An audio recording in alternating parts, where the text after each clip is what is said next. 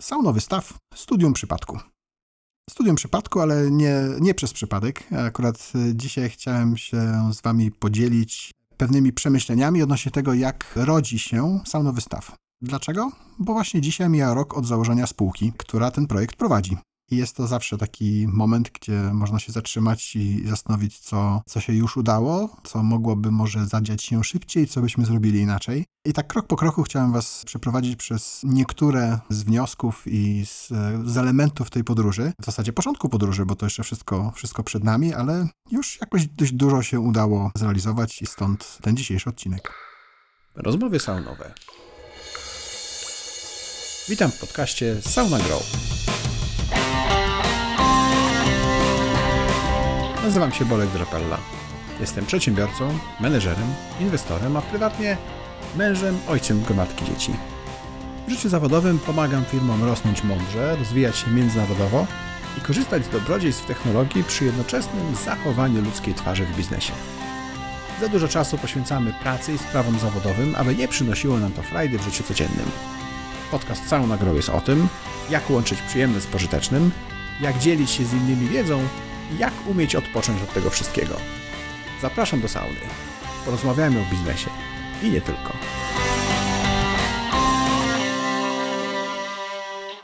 Pomysł na saunowy staw pojawił się z pasji. E, rzeczywiście sanuję od e, już kilkunastu lat i gdzieś powoli, powoli e, dorastało we mnie takie, taka, taka potrzeba, żeby mieć miejsce saunowe, nad którym będę mógł no, więcej rzeczy osiągnąć, czy, czy takich, których mi w innych miejscach saunowych brakuje, czy brakowało.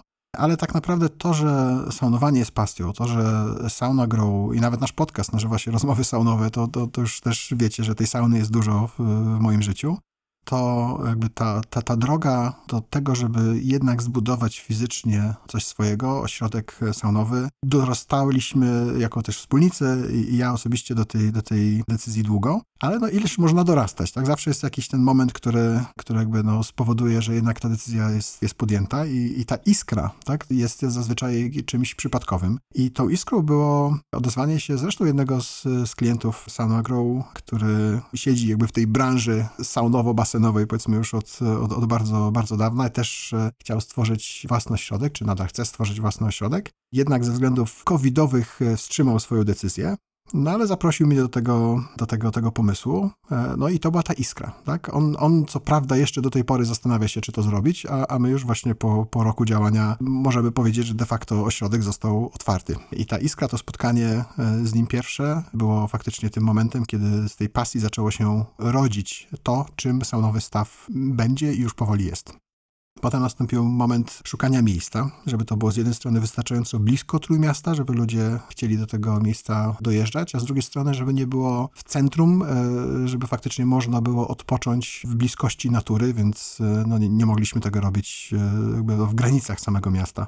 I dość długi e, okres, e, bo wiemy też, że lokalizacja jest niesamowicie istotna, więc znalezienie właściwego miejsca, takiego, które będzie e, spełniało nasze oczekiwania i będzie dobrze licowało z tym, co chcemy stworzyć, zresztą o wizji i misji powiem trochę, trochę dalej, to było kilka miesięcy tak naprawdę rozważania różnych lokalizacji, aż w końcu znaleźliśmy miejsce w Leśnie, w gminie Szemut, które w zasadzie 30 minut drogi z każdego miasta w Trójmieście, więc odległość wystarczająca, żeby już zaplanować to jako wypoczynek i żeby przyjechać do nas na dłużej, a nie tylko na chwilę.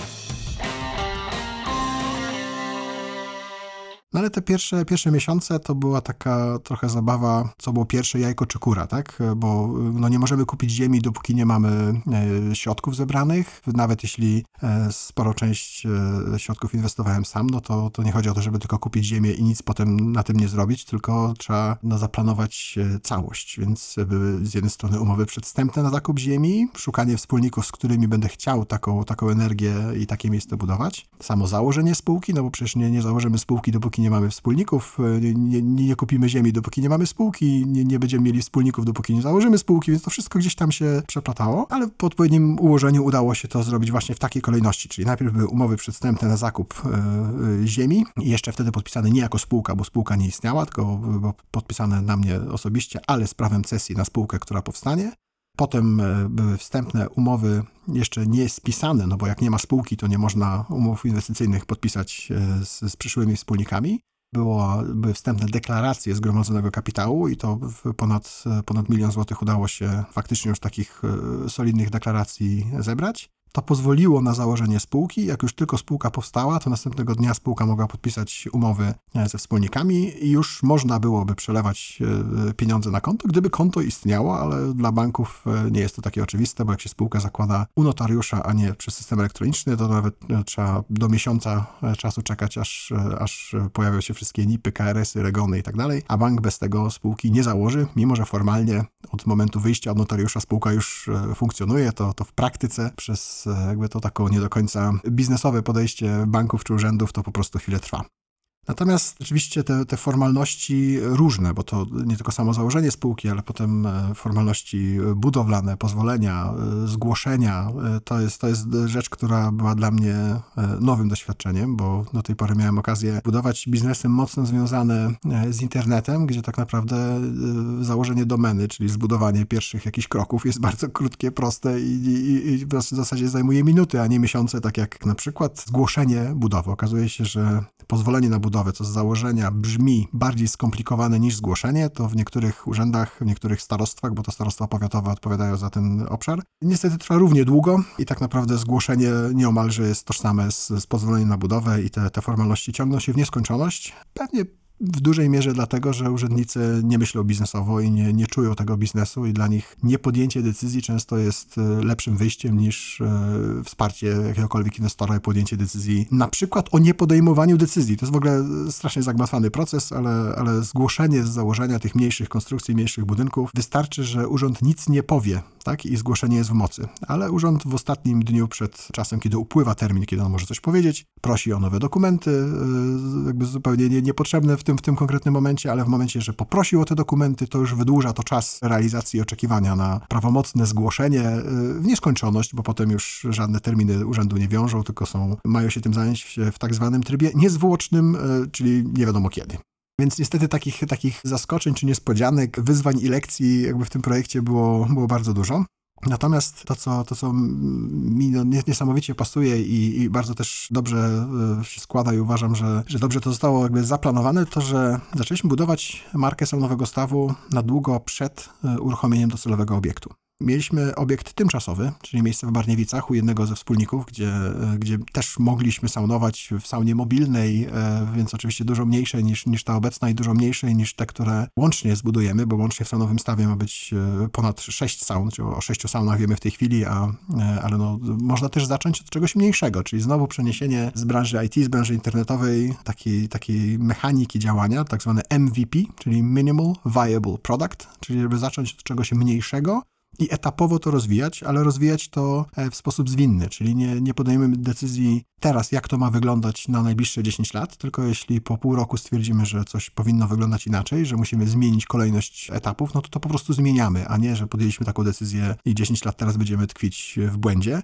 I e, jakby to przełożenie takiego sposobu zarządzania z, właśnie z branży IT, z, z sektora internetowego na e, sektor powiedzmy deweloperski, ale już nie development software'u, programu, tylko deweloperka, fizyczna budowa, też, e, też powoduje to, że, że możemy budować taki projekt etapami to, że z, zaczęliśmy od pracowania wizji i misji, tego, czym tak naprawdę chcemy, żeby ten ośrodek był, czym chcemy, żeby Sauna Wystaw był, czyli miejscem holistycznego wypoczynku, które kocha ludzi, i jakby górnolotnie to nie brzmiało, to, to faktycznie do tego dopiero dobieramy e, strategie, narzędzia i to jak i gdzie i co chcemy budować. Jeśli mamy to z tyłu głowy, to łatwiej jest później tak naprawdę weryfikować, czy działania, które podejmujemy, czy one jakby dobrze służą tej misji. A ta misja, żeby mogła być realizowana, żeby mogła jakby rosnąć i być w jakiś sposób skalowana, musi działać jako, jako biznes, tak? Czyli dookoła tego, co tworzymy, musi być jakby stworzony sprawnie działający biznes y, ze szczęśliwymi pracownikami, inwestorami i gośćmi, bo jeśli mamy kochać ludzi, jeśli mamy być miejscem holistycznego odpoczynku, wypoczynku, to nie wyobrażam sobie, żeby saunomistrzowie, którzy opiekują się naszymi gośćmi, sami czuli się w tym źle. Więc y, wiedzą bardzo dużo o firmie, wiedzą o tym, co, co robimy, współuczestniczą w, często w korektach tych etapów, które, które realizujemy. Teraz również zostali objęci programem w opcji y, na udziały, czyli staną się również udziałowcami spółki, dlatego że oni ją tak naprawdę tworzą, więc nie, nie powinni być tylko pracownikami, ale powinni również mieć podobny ten horyzont inwestycyjny, czy taki mindset, powiedzmy, jak, jak założyciele, jak wspólnicy. Bardzo też pomaga to, jak udało się ułożyć relacje ze wspólnikami. Na pewno ich, ich zaufanie, też no, moje doświadczenie ma tutaj duże, duże znaczenie i to, że od samego początku zostały wprowadzone dość, powiedzmy, ostre zasady do, związane z decyzyjnością, że zarząd jest jednoosobowy, wiele decyzji podejmuje ja osobiście, a nie wieloosobowy zarząd, rady nadzorcze i tak dalej. To, że jako wspólnik mam trzykrotność głosów i żadna uchwała nie przejdzie bez mojego tak, brzmi bardzo drakońsko, ale dla niektórych inwestorów, szczególnie osób, z którymi e, z, z innych branż znaliśmy się wcześniej i zdecydowali się zainwestować w spółkę, dostałem taką informację od nich, że właśnie dlatego oni w to inwestują bo wiedzą, jakby no, mi ufają, a wiedzą, że, że inni wspólnicy nie będą mieli możliwości tego torpedowania e, jakby tej wizji i misji, którą robimy, co niestety często zdarza się, czy to w stowarzyszeniach, czy w spółkach, gdzie niezaangażowani operacyjnie wspólnicy mają po prostu za dużo do powiedzenia. I te jakby lekcje, czy to jak ułożyć takie relacje ze wspólnikami, no to to wynika właśnie z lekcji, które y, pobrałem od, od życia zawodowego wcześniej i gdzie w niektórych innych spółkach te relacje nie były tak dobrze spisane na samym początku, nie były tak dobrze ustalone gdzie czasami brakowało jednego jakby silnego lidera, który był w stanie wziąć odpowiedzialność za to, co, to, co razem tworzymy i gdzie ta odpowiedzialność po prostu się gdzieś rozmywała, albo że w, na początku wszyscy wspólnicy byli operacyjnie zaangażowani, potem część odchodziła, ale liczba udziałów została taka sama i ci, którzy musieli pracować na, na pozostałych wspólników, no byli w jakiś sposób sfrustrowani tym, że oni muszą pracować, a tamci tylko odcinają kupony. Nawet jak te kupony nie były jakby specjalnie duże. Oczywiście Dużo jeszcze jest przed nami jako, jako salon wystaw. Teraz kolejny etap i runda finansowania też dopiero się rozpoczyna i to szukamy ludzi nie tylko takich, którzy mają kapitał, ale też wnoszą jakąś dodatkową, nie tylko dobrą energię, o której często mówię, ale taką wartość dodaną, czyli umiejętności, których gdzieś czujemy, że, że, że, nam, że nam brakuje albo że, że moglibyśmy mieć tego więcej. I oczywiście też muszą czuć tą naszą wizję i misję. Więc dlatego e, zawsze, jeśli e, jest ktoś jakby e, nowy, kto chciałby dołączyć do tego grona inwestorów, to najpierw komunikujemy, czym tak naprawdę chcemy, żeby ta, ta spółka, ten projekt był, bo jeśli na etapie wartości się nie dogadamy też z, na, na, na, etapie tych wspólnych wartości ze wspólnikami, no to nie będzie to wróżyło dobrze. Jeśli horyzont inwestycyjny będzie taki, jeśli ryzyka tego biznesu będą rozumiane inaczej, albo właśnie nie będą rozumiane, lub na przykład jeśli inwestycja dla danego wspólnika będzie zbyt duża w porównaniu do doświadczeń tej osoby, czy, czy też oczekiwań, no to, to po prostu to nie wyjdzie.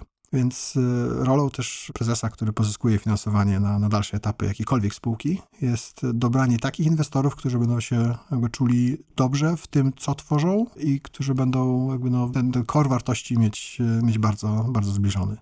Też jeszcze tak z retrospektywistycznego punktu widzenia, patrząc na to, co się udało zrobić, e, większość ludzi, i również w tym część wspólników, którzy mieli doświadczenia właśnie w budowaniu e, w deweloperce fizycznych rzeczy, byli wprost przekonani, że, że, że to nie jest możliwe, żeby w ciągu roku od zera jakby uruchomić e, ośrodek, a ja po prostu nie wiedziałem tego, że się nie da tego zrobić, y, więc, więc, więc, więc to zrobiliśmy. I rzeczywiście y, bardziej doświadczeni ludzie wiedzieli, że to 2-3 lata trzeba jakby odczekać w tych, w tych urzędach, odczekać w instytucjach, a, w momencie, kiedy się tego nie wie, że tak, że tak to musi długo trwać, no to jakoś się udaje zrobić to szybciej. Choć mam wrażenie, że, że ja bym chciał y, to zrobić jakby jeszcze szybciej, jeszcze, jeszcze szybciej pewne, pewne decyzje, jakby, żeby, żeby można było je podejmować, no ale pewnie jest to dobry kompromis między, między między jakoś tam gorącą głową i tym pozytywnym myśleniem i dobrą energią, a realiami biznesu i, i tego, jak szczególnie w polskich realiach e, biznesy trzeba prowadzić.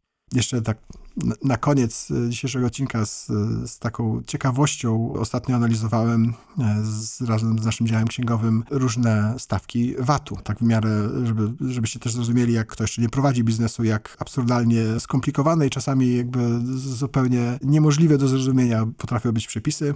Otóż powiem wam, że jeśli wypożyczycie ręcznik w takim miejscu jak w saunie, oczywiście też można wypożyczyć ręcznik, to w zależności od tego, czy z tym ręcznikiem wejdziecie do sauny, czy nie, jest inna stawka VAT-u. I okazało się, że to nie jest tylko interpretacja naszej księgowości, tylko jest oficjalnie wystąpiona i pisemna interpretacja Ministerstwa Finansów na temat VAT-u na ręcznik w momencie, kiedy się wejdzie z nim do sauny, czy nie wejdzie się z nim do sauny. To jest absurd jeden, jeden z wielu. Powoduje to też, że, że koszty księgowości w Polsce są przynajmniej pięciokrotnie wyższe niż na przykład w Wielkiej Brytanii, gdzie od ponad 20 lat prowadzę spółkę. No ale jeśli jakby mamy takie otoczenie biznesowe, a na tym polega przedsiębiorczość, żeby prowadzić działalność jakby no w, w poszanowaniu i jakby no w zorientowaniu się na tym, jakie, jakie jest otoczenie prawno jakby fiskalne, nie jest zawsze łatwo zachować pozytywną e, energię dookoła ale czasami trochę takiego humoru, chociażby wynikającego z, z zagmatwania przepisów, no, daje nie tylko porządną kawę i adrenalinę, ale trochę dobrej, dobrej energii właśnie przez absurdy, które, e, które nam towarzyszą.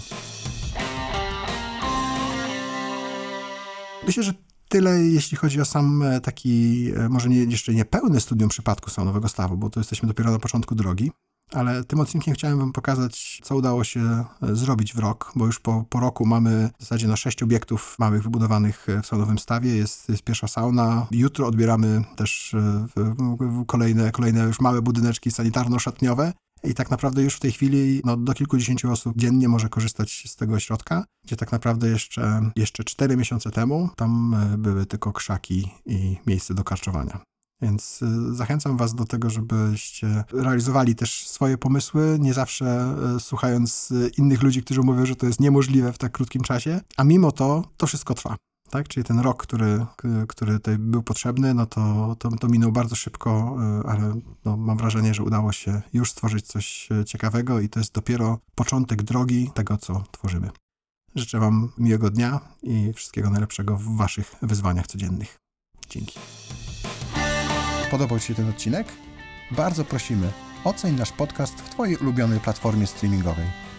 Jeśli możesz, podziel się linkiem z tego odcinka w social mediach, np. na LinkedInie czy Facebooku. Dzięki temu możemy sprawnie działać i nagrywać kolejne podcasty. Z góry serdecznie dziękujemy za tak okazane wsparcie.